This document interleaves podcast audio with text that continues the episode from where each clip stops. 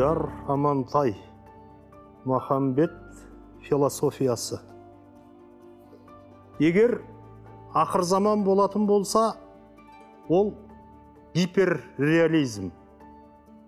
Егер ақыр заман болмайтын болса ол постмодернизм.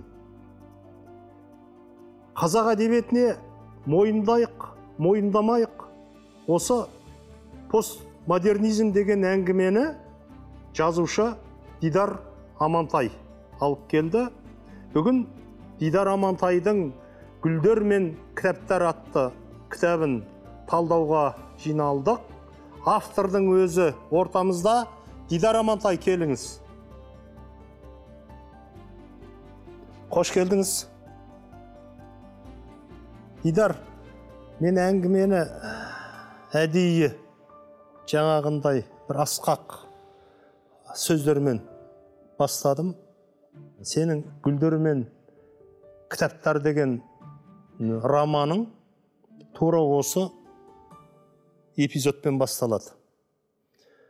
Аспан жер бетін тұман басады да аспан жерге түседі жерге жақындайды. Сонда адамдар түргеп жүре алмайды еңбектеп қалады. Еңбектеп қалған адамдардың арманы кеудесін керіп тік жүру. Бірақ еңсені басқан аспан олардың бойын еңсесін көтертпейді ә, бұл енді кейіпкердің түсі түсі болғанмен шығарманың табиғатын ашуға жасалған алғашқы қадам деп ойладым. Өзі жазушының өзінің табиғатын өзінің ойын бойындағы барын бергісі келсе оқырманға ә, кейіпкеріне өзінің ішкі жан дүниесіндегі қопарылыстарды кейіпкерінің бойына дарытқысы келсе ә, демек жазушының басында сондай бір оқиға болған болуы мүмкін деген болжам айтылады. Сенің жазғандарыңда бұл қоғам бұл жазушылар бұл әдеби орта біреулер қабылдады біреулер қабылдаған жоқ. Осы сенің творчествоңа қалай әсер етті? Және гүлдер мен кітаптарда өзіңнің тағдырың бар ма? Альбер камюдің нобель сыйлығында алып жатқан кезде сөйлеген сөзі бар. Сонда айтады мен жалпы өнер екі нәрсе үшін қызмет ету керек деген пікірін айтады. Бірі әділет үшін күрес екіншісі шындықты айту. Бірақ шындықты ол тура өмірдегідей емес көркемдік формада. Одан кейін өздеріңізге белгілі екінші дүниежүзілік соғыс кезінде адамдарды қинау үшін ә, фашистер жаңағындай кішкене қорапқа қамап қояды екен. Адамды. Сол кезде адам не отыра алмайды не жүре алмайды. Ана денесі қатты ауырған соншалықты ол кез келген нәрсеге келіседі дейді. Яғни адамның ә, өзіндік биігінен құлату. Ә, мен ә, жазушыны жазушының қызметін табиғатын солай түсінемін. Яғни адамның ар намысы үшін адамның так, өзіндік өзіне өзінің сенімділігін арттыру үшін күресетін жол деп.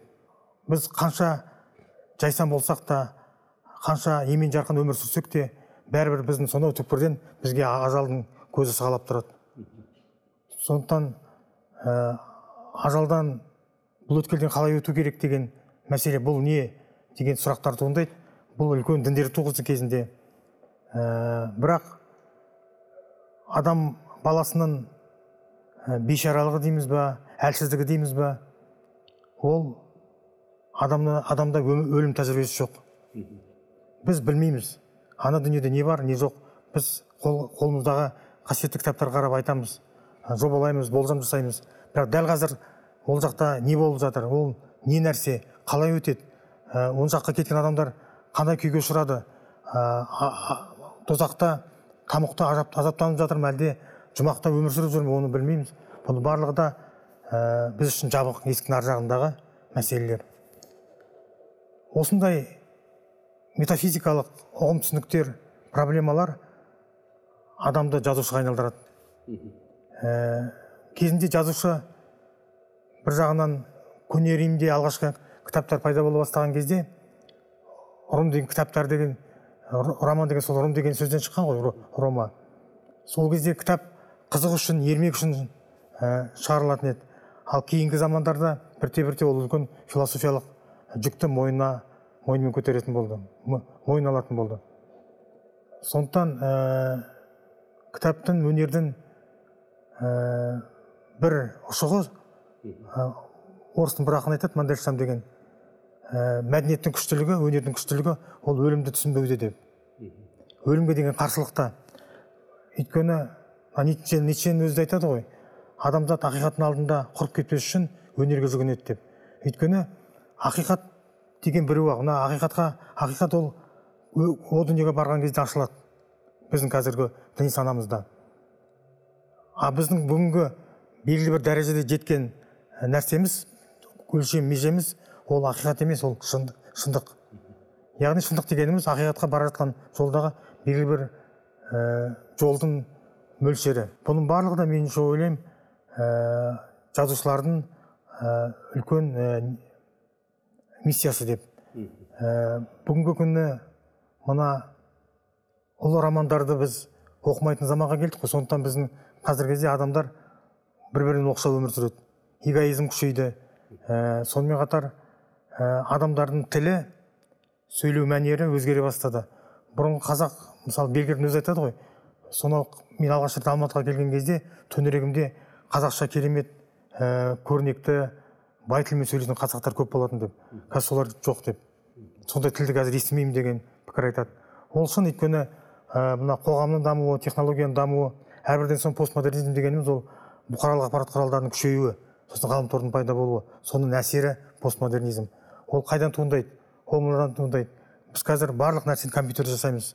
Компьютерде жазамыз компьютерде тереміз редакциялаймыз кітапқа айналдырамыз да компьютерге принтерді қосып басып шығарамыз. Бұның барлығы нені білдіреді? Қаламсаптың кеткендігін білдіреді. Қаламсап кеткеннен кейін біз ә, ал текстте жаңа өзіңіз айтқандай ә, бөтен тексттер па- пайда болады. Өйткені цитаталар көбейеді. Өйткені біз гуглға кіреміз де цитатаны көшіріп ә, қоя саламыз. Оған бізге көп уақытымызды алмайды бұрынғы кезде бір цитатаны келтіру үшін бәленбай кітапты ақтару керек еді оқу керек еді. А қазір ондай жоқ. Ә, мысалы сіздің романыңыздағы белгілі бір шындық туралы қандай сөздер айтылды десе мен сіздің фамилияңыздың жанына шындық деген сөзді жазамын да сіз не айттыңыз шындық туралы соны көшіріп аламын бұның барлығы яғни технологиялық тұрғыдан жеңілденуі ә, осындай заманға алып келді. Ал шын мәнісінде кітап оқу дегеніміз ол мимен жұмыс істеу ол дегеніміз ол интеллектуалдық еңбек. Ә, сол кезде ғана адам өзінің ә, миын қозғалтып ә, көпшілік тұрғысында айтып отырмын. Ә, адам өзін адам қалпында қалады. Адам халық қай кезде тобырға айналады? Ойланбаған кезде. Ойланбаған ой- не ойландырмайды бізде? Ол компьютерлік ойындар ойландырмайды. Интернет ойландырмайды. Ә, ұялы телефон одан да одан да қысқа қысқа қысқа хабарлар. Бүгінгі заманда қазіргі кезде жастар егер көрініс видео ә, 30 секундтан асқаннан кейін көрмейді екен Ке- келесі видеоға көшіп кетеді. Көрдіңіз бе бір ә, бір асығыстық бар. Осы асығыстықтың ә, қандай ә, мәні бар мағынасы бар бізге түсініксіз. Сондықтан ә, әдебиет өнер өнердің ішіндегі алда жүретін жетекші өнер ол әдебиет деп білемін. Бір сөзбен айтқанда гүлдер мен кітаптардың ә, көтерген тақырыбы мен идеясы қат қабат дейсің ғой. Мен бұл жерде бағанағы джек лондонның мартин иденді бекер айтып отырған жоқпын. Онда да кейіпкер барлық жақсылыққа қол жеткізген кейіпкер аяғында өлімге ұшырайды. Сенде де гүлдер мен кітаптарда да солай емес па кейіпкер аяғында трагедияға тап болады. Өйткені олар ә, осы өмірдің ә, мәнін мағынасын өзі құндылық іздеп жүр иә. өмірден. А бірақ өзі сол құндылықтан түңіліп өмірден безді. Енді оның бірнеше ә, себебі бар. Өйткені ә, өзі оның арасындағы тарауларда айтылады ғой. Ол ана өмір сүр, сүрдің не өмір сүрмедің не екеуінің айырмашылығы салмағы қандай мысалы дейді оның ішінде айтылады. Мысалы ә, бір адам өмір бойы бір опасыз аяр елге қиянатшыл адам болады да бірақ ол да алпыс жыл өмір сүреді. Екінші адам ә, керісінше ә, ақеділ ә, бір қамқор қамқоршы адам болады да ол да алпыс жыл өмір сүреді. Сонда екі өмірдің бір бірінен айырмашылығы қандай мына ә, достоевскийдің ә, албастылар бесі деген романында кириллов айтады ғой мен біреудің бетіне қарап тұрып түкіріп жіберсем дейді. Содан кейін пистолет алып өзімді атып тастасам одан кейін мені бүкіл адамзат бәленбай ғасыр жек көре ма жек көрмей ма оған менің ешқандай шаруам жоқ. Маған бәрібір дейді да ол яғни ә, әлі күнге дейін адам адамзат санасы қалыптасқалы осы метафизикалық проблемаларға олар адамзат жауап беріп үлгерген жоқ жауап бере алмай жүр. Сондықтан әдебиеттің өлмейтіндігі сондықтан деп ойлаймын. Алғашқы шығармаларыңмен қазақ әдебиетіне постмодернизмді әкелдің. Сол терминді әкелдің. Осыған байланысты сен билікпен де күрескен де жоқсың басқамен де күрескен жоқсың ортамен күрестің. Мысалы үшін елдің арасында мынандай пікір қалыптасқан. Дидарды жастар жақтайды жастар оны модадағы жазушы ретінде бағалайды. Ал үлкендер ұнатпайды деп. А бірақ енді қарап отырсақ сені герольд белгір қолдаған сені зейнолла серікқалиев қолдаған сені олжас сүлейменов қолдаған сені әлия бөпежанова қолдаған. Бірақ енді осы гүлдер мен кітаптардың ішіндегі жан арпалыстары ә, жан дүние арпалыстары өң мен түстің арасындағы күрестер осының барлығы сенің өзіңнің күйзелісіңнен туған нәрсе ме? Жоқ ол өмірде болып жатқан бүгінгі өмірде болып жатқан заңдылықтар ма? Енді бұл әркімнің басында біреуінде үлк- үлкен түрде біреуінде шағын түрде болатын оқиғалар ә, деп ойлаймын. Бұл жерде мына романды романда соңғы тарау бар сағыныш деген. Ә, сол сағыныш деген тарауды ә, сол жұмбағын ешкім шеше алмады деп айтуға болады. Бүгін қазір айтайын. Ә, бұл жерде сағынышта ә- әр халықтың өзінің бір құдай туралы әңгіме болады. Ә, біздің ойым менің ойымша мына ұлы діндер ұлы діндер а- адамзатқа қатты әсер еткендігі соншалықты ә, бүкіл мәдениетті адам санасын түгел өзгертіп жіберді ғой. Бірақ соның ар жағында ә, адамның бала кезі біздің есімізде қалған жоқ та. Мен соны бергім келді сағыныш деп. Ә, бір жағынан бұл романда бұл романда мына адам осы ортамен осы қоғаммен ә, өм, бірге өмір сүре ала ма? Яғни жаңағы сауалдардан құтылу жолы қандай? Оған жауап бере аламыз ба? Бақыт дегеніміз не? Бақыт дегеніміз не? Өмір дегеніміз не? Өлім дегеніміз не деген сияқты жаңағы метафизикалық түсініктерге жауап беруге тырысатын роман деп ойлаймын. Ә, бұл роман ә, жаңағы бір жағынан мына альбер камю айтады мына өзін өзі өлтіру дейді өзін физик туралы аңыз деген эссесінде айтады мына өзін өзі өлтіру дейді. Ол жерде ол айтады мен өзін өзі өлтіруді ә, физикалық тұрғыда алып тұрған жоқпын физиологиялық дейді. Философиялық тұрғыда. Яғни осы өмірде мәннің жоқтығы мағынаның жоқтығы біздің бәріміздің де бұл дүниеден ана дүниеге көшуімізге себеп негіз бола ала ма деген мәселе көтереді ғой. Бұл тіпті дейді философияның негізгі сұрағы дейді. Сол кезде камю айтады ә, өзін өзі өлтіру дейді. Ол жаңағы метафизикалық проблемаларды мәселелерді шешу емес дейді. Одан сырт кету дейді. Сондықтан біз осы өмірде қалып ә, мән мағынаны ә, зерттеу үшін осында анықтау үшін пысықтау үшін ә, зерделеу үшін осында біз өмір сүруіміз керек дейді. Яғни ал біз үшін дейді жаңағы ә, ар жақта не болып жатқан ол өз алдына. Бірақ біз осы мәселені осы жақта шешуіміз керек деген әңгіме айтады. Мен барлық жақтың пікірлерін құрметтеп сыйлап үйренген адаммын. Әдебиетші кәсіби әдебиетші ретінде осы жерінде түрлі таластар болып жатты. Сенің тіліңе байланысты талас болды. Осы постмодернизм деп әкелген жаңалықтарыңа байланысты көптеген қатты дискуссиялар жүрді қоғамда. Ол енді әрбір жазушының басында бола бермейтін ә, бұл оқиғалар. Мен де сондай пікірлердің ортасында жүргенімде кенет кенет деп айтайын. Алдымнан дидар амантайдың жазған бір сөзі шықты. Егер классикалық әдебиетті білмесең постмодернизмге келе алмайсың деген. Рас ол иә. Осыдан кейін ойладым дәстүрлі әдебиетті дидар қаншалықты бағалайды екен деп. Осы гүлдер мен кітаптардың фонында дәстүрлі әдебиет туралы ойыңды пікіріңді білгім келеді. Әдебиеттің тарихына қарайтын болсақ классикалық әдебиет 18 сегізінші он тоғызыншы ғасырдағы. Біз бұл жерде еуропалық әдебиетті айтамыз. Ә, олар роман жанры көптеген жанрды қалыптастырды. Және де ә, ашық текст ашық текст ә, тұрғысында қалыптасты. Яғни ә, бұл романдарда бәрі түсінікті. Ешқандай бір жұмбақты шешу құпияны ашу жоқ. Ә, сөзбен ойнау деген сияқты. Белгілі бір оқиғаны олар ол жерде ә, әдеби көркемдіктен гөрі сюжеттік табиғат басым болды. Өйткені 18 сегізінші он тоғызыншы ғасырдағы ә, романдардың ол америка болсын батыс европа болсын барлығында роман сюжетке құрылады. Сюжет жоқ, жоқ роман роман емес деген сияқты. Бірақ мына модернизм келгеннен бастап бұл ә, түсінік өзгереді. Енді текст ә, өзгерді. Яғни текст, текст сығымдалды. Мына бродский айтады ә, модернизм дегеніміз ол классиканың ықшамдалған түрі деп. Ә, сонымен қатар ә, хемингуэй талап қойған талаптар алға шығады. Яғни сөз қуалаушылықты азайтып оқиғаны көбейту деген сияқты. Бірақ солай болған күннің өзінде де модернистік әдебиет ол рационализмге яғни адамның ақыл ойына әлемнің әлемді зерттеуге мүмкіндік бар екендігіне әлемді түсінуге адамның қабілеті бар екендігіне негізделген ә, кезең а постмодернизм иррационализм ол. Ол ә, рационализмді жоққа шығарады. Яғни ақиқатты табу мүмкін емес дейді постмодернизм айтады. Себебі дейді ақиқатты айтатын мінбе көбейіп кетті дейді. Кезінде мына модернизм бүкіл институттары бар ғой жаңағы.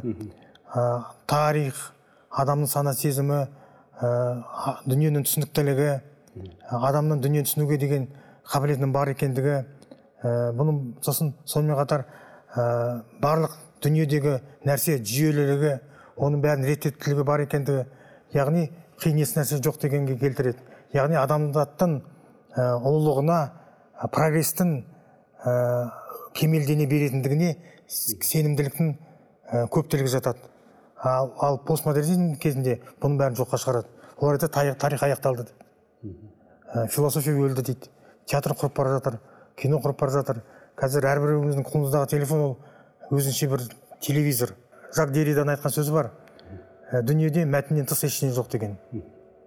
Яғни постмодернизмнің әкелген бір үлкен ә, мәдениетке философияға әкелген табысы ол мына ә, дүниені әлемді текст ретінде қабылдау. Ол мына сассюрдің ә, философиясынан шығады лингвистикалық философиясын яғни бұрын бірінші кезекте адам адам ойлады ғой тіл ә, дыбыстан пайда болды деп. Яғни ә, табиғи дыбыстарға еліктеді адам содан тіл пайда болды деп. Содан барып оны біз таңбасын жаздық деп. Яғни ә, дыбыс бірінші орынға шықты. А постмодернизм кезінде керісінше ә, таңба бірінші орынға шығады. Таңба бірінші орынға шыққан кезде таңба дегеніміз не? Соған тұңғыш анықтама берген жаңағы постмодернизмнің постмодернизмнің негізін қалаушылар. Олар айтады таңба дегеніміз ә, белгілі бір заттың мәнін мағынасын атынан сөйлеп тұру. Яғни өзі ол мәннің өзінің бойында жоқ ол мән. Бірақ ол ә, басқа бір мәнінің бар екендігін соны атынан сөйлеп тұрғандығын білдіреді. Сенің жазып жүргенің яғни дидар, дидар амантайдың жазып жүргені философиялық трактаттар ма жоқ әлде көркем шығарма ма? Жоқ мен, ә, мен әңгіме жазамын проза. Сосын эссе жазамын. Содан кейін философия жазамын. Өйткені мына тағы да қызық нәрсе табиғаттың қайсысына жақын деп отырғаным ғой. Енді мен былай ала алмаймын жаза беремін. Қайсысын жазғым келеді соны жазамын гүлдер мен кітаптардың өзі де бағанағы тотықұс түсті көбелекте де басқа да қысқа новеллаларыңда қайсысын алсаң да философиялық ойлар тұнып тұрады. Шығарманың көп бөлігін философиялық трактаттар алатын сияқты. Ол кейіпкердің атынан айтыла ма автордың атынан айтыла ма мәселе онда емес. Бәрі өмір туралы қоғам туралы заман туралы әлем туралы аспан мен жер туралы әрбірден соң бүгінгі өмір мен ертеңгі ақыр заман туралы осындай болып келеді. Кез келген нәрсені ә, өмірдің болып жатқан қиыншылықтарын басымыздағы тағы да бір басқа ауыртпалықтарды болмаса төніп келе жатқан қауіптің бәрін түптің түбі өлімге апарып тіреу көп ақыр заманға апарып тіреу көп. Осының себебі неліктен деймін ғой? Философияның өзі де соған барады ғой аяғы. Альбер камюдің айтқан бір сөзі бар. Философ болғың келсе роман жаз деп. Сондықтан мына прозалық үлгі ол ойларды ойларыңды жеткізуге өте тамаша құрал деп есептеймін. Сонымен қатар мына философияның өзінде ә, научное познание деген бар ғой. Иә. ғылыми таным. Сонымен қатар ә, көркем таным деген бар. Бүгінгі күні көркем танымды да біз ә, ғылыми танымға шендестіре аламыз. Өйткені қо- қоғамды зерттеуде адамның психологиясын табиғатын жаңағы метафизикалық мәселелерді зерттегенде ә, көркем әдебиет үлкен рөл атқарады деп ойлаймын. Осы жерде бір сұрақ қояйын. Мына гүлдер мен кітаптар романының ішінде басқа діндердің тұлғаларын осында осы романға әкеліп енгізуді оны түсіндім ол жөнінде айттың олар көрініс береді. Ал енді алаш біздің бабамыз деп алайық иә сондай мақсатта. Ә, сол не үшін енгізілген осы ә, романға? Және ол 16 жасар қызбен не үшін кездеседі өмірінің соңында? Және ол көрде жатқан кезде 16 жасар қыз оған неге барады? Және ол көрде жатқан адам мен 16 жасар қыздың арасында ұрпақ қайдан пайда болады? Осыдан шығарып ойлап көрсем дидар амантайдың ә, жазуында жалпы кітабында сенсация жасау мақсат па? Және сол кітап туралы интрига тудыру мақсаты болды ма болған жоқ па? Енді интрига болған жоқ ондай мақсат бірақ әрине ә, ізденістер болды. Бұл роман ішіндегі роман ғой. Сіздің айтып отырғаныңыз жаңағы екінші иә. кітаптың желісі бойынша. Ә, ол жерде мына дүниенің жаралуына байланысты ә, одан кейін ұрпақтың таралуына байланысты сонымен қатар кейін діннің таралуына ә, байланысты ә, мысалдар келтіріледі. Ә, бұл сенсация жасау емес адамзаттың қайдан пайда болғандығына бір жасалған көркемдік болжам деп есептеймін. Ортамызға әдебиетші емес бірақ әдебиетті жақсы білетін әдебиет туралы өнер туралы руханият туралы мәдениет туралы жақсы пікірлер айтып талдаулар жасап жүрген дискуссияға барып жүрген дәстүрлі әншіміз ерлан төлеутайды шақырғым келіп отыр. Қош келдіңіз. Дидар амантай деген жазушының шығармашылығына қалай қарайсыз? Себебі сіз дәстүрлі әдебиетті көп оқыған адамсыз ғой. А бүгінгі әкеліп жатқан постмодернизм осы бағыттағы шығармаларына қалай қарайсыз? Қалай бағалайсыз? Дидар енді талантты әдебиетші ғой. Ол талант болып келді. Ә, мысалы біз алпысыншы жылдардың әдебиетін бәрін оқыдық қой жақсы көріп оқыдық. Таланттың жолы ауыр дегім келіп отыр ғой. Жоқ олай деп те айтуға болмас. Бірақ мына менің айтқым келгені алпысыншы жылдары мына мұхтар әуезов бата берді ғой жыл келгендей жаңалық сезінеміз деп. Міне сол отыз жыл осы аға буын біздің әдебиетке ие болып тұрды ғой енді. Көгеріп көктеді жаңағы сөздің арқасында. Бір, бір ақ ауыз баталы сөз ә, да- данышпанның. Ә, осы қаншама біздің үлкен бір үркердей үркерден де көп ә, бір үлкен ұлы толқынды алып келді да. Біздің мына ру- руханиятымызды ә, бір белеске әсіресе әдебиетті көтеріп тастады ғой. Ә, енді қарасаңыз ә, тоқсаныншы жылдары мысалы дидар амантайды білдік та то- тоқсан мысалы екінші жылы ә, біз 91 тоқсан екінші жылы біз дидардың атын ести бастадық шығармаларын оқи бастадық. Тоқсаныншы жылы дидар келгенде ана мұхтар болған жоқ та. Мұхтардай заңғар данышпан болмады осы бата беретін осы толқынға. Мына дидарлардың буыны мына өліра кезеңге тап келді да бізде бір үлкен авторитеттер болмай қалды. Мына ә, әдеби енді жақсы мағынасында айтқанда мұхтар сияқты. Сонда мына ә, бұлар бір бейнелеп айтқанда бір батасыз толқын сияқты ә, бірден бас салды. Қойындар дейтін енді зейнолла серікқалиевтер айтты бірақ ол кезде қоғам ондайда бір ә, тыңдайтындай ә, деңгейде емес еді. Герольд бельгерді кім тыңдады дейсің? Иә ол кісіні кім тыңдап жатыр олар үшін бір ә, енді көңіліне тіпті қолайына олқы соққандай болып сол кезде мына жұмабай шаштайұлы ағамыз сол кісі ғана айтыпты енді. Енді бір жұмадан кейін кел оқиын деген ғой. Сонда кіріп келгенде айтады дейді қазақ әдебиетіне жаңалық келді деп. Міне сондай қадау қадау бағалаулар болды. Бірақ мен оның әңгімелердің бәрін біз енді ол естіп отырдық оқып отырдық. Өте мына жәбірлі сөздерге дейін айтылды. Ә, сол кезде ә, біз соны ұқтық. Ә, мына біздің өліра кезеңдегі бір ә, тіпті ә, бір бақытсыздау толқын сияқты. Ә, не кітаптар шықпайтын не қалама қалмайтын не марапат алмайтын не жылы сөз не жылы сөз естімейтін. Өйткені жаңа мына сол жылы сөз еститін ағалар енді бұл көңіл ұшында айтуға болады ғой мысалы. Қазақы дәстүрмен мысалы соның бәріне мұқаң енді бәрін кереметсің деп тұрған жоқ. Бірақ сол бір ауыз сөзі әкелік ә, сондай бір абыздық сөзі сондай бізге бір тұлғалар керек еді. Дидардың енді шығармаларында мен мысалы оператор жөнінде жазғаныңыз бар ғой мына. Әңгімеңіз. Ә, көзінен айналдым сол оператор ә, жайлы ә, аңызында әңгімесінде енді оны мысалы сонда мен бір таңқалғаным мына мұрат әуезов қаншықтың үлкен оқымысты адам ғой сонда айтты. Дидардың шығармаларына егер кино түсірілетін болса дейді андрей тарковский мен Са- Са- сакур ғана түсіреді деді сондай. Мінекей сондай бір ә, ана күрделілігі былай қарасаңыз. Бірақ ана оператордың жаңағы көзі маған мынандай мысалы менде мынандай ә, әсер қалдырды да мына бұрын қазақ мылтықты көргенде таңқалған ғой. Мысалы жалғыз аузы үңірейіп атқан кезде мылтықтың аузына мың адам сыйып кетті дейді.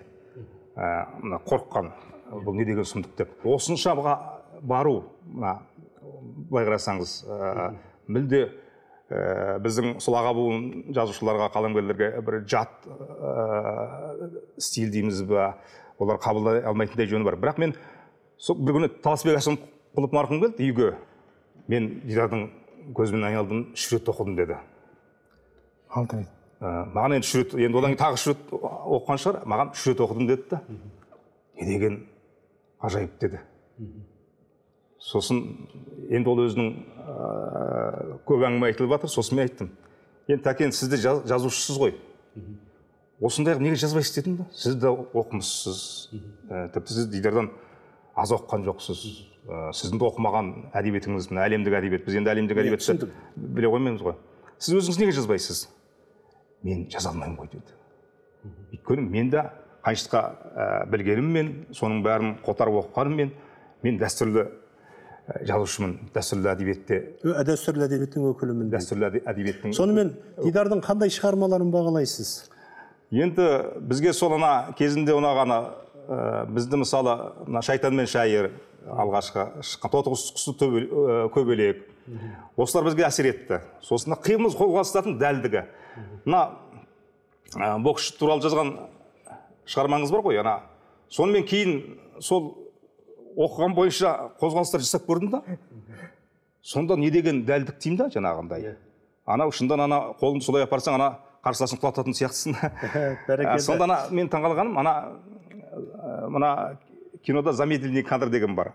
Бұл енді кейде режиссерлар ана ә, көрерменге эффекті беру үшін сондай қолданады. Ә, мына идардың ә, жазғандарында бір сондай бір кадр сияқты көрінеді. Мына қимыл қозғалыстың сұлулығы. Мына үйлесімділігі жаңағындай. Сонда ана бір артық сөз жоқ. Ана бүкілі сол мына қимыл қозғалысқа жаңағы сөздер ә, қызмет етіп тұр. Мына дидар амантайдың бір әңгімесі бар. Дуана деп аталады. Бір дуана ә, далада келе жатады. Бір көрініп бір көрінбей ә, бір қашып бір пысып. Сондағы айтқаны мені қазір совет үкіметі ұстап алатын шығар дейді. Ақыры совет үкіметі ұстап алады да оны атуға дайындайды. Сонда әлгі дуана мылтықтың ұңғысына суретке түсуге дайындалған сияқты иә. қарап тұрып ажал құшты дейді. Кейде жазушының өмірі де тағдыры да сол дуананың өмірі тағдыры сияқты. Кітап оқыңыздар ағайын.